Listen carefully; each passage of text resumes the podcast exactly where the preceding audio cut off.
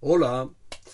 En el capítol de la història de Roma d'avui parlarem de la monarquia, que va ser el primer sistema de govern que va tenir Roma.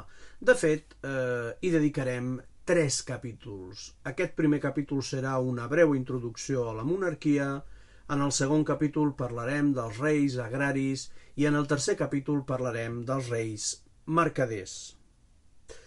És normal que un poble triï com a primer sistema de govern la monarquia i que després, amb el temps, evolucioni cap a un sistema eh, més aristocràtic que, en el cas de Roma, s'identificaria amb la república, però això ho veurem en el seu moment.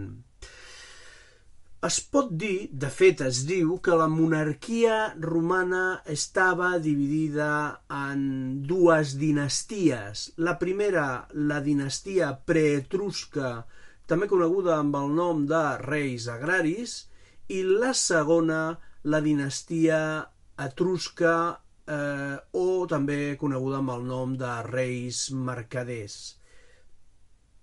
Comptant Ròmul, que és un rei mític, podem parlar de set reis, quatre reis agraris i tres reis mercaders.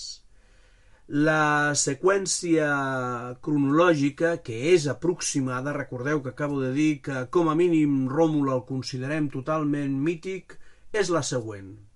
Els reis agraris.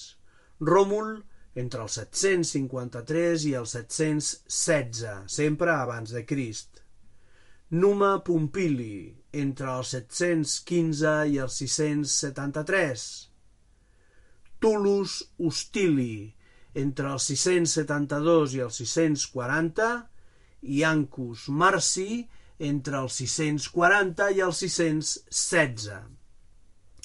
Pel que fa als reis mercaders, el primer, Tarquini Prisc o el Vell, entre el 616 i el 579, Servi Tulli entre els 578 i els 535 i Tarquini el Superb entre els 535 i els 509.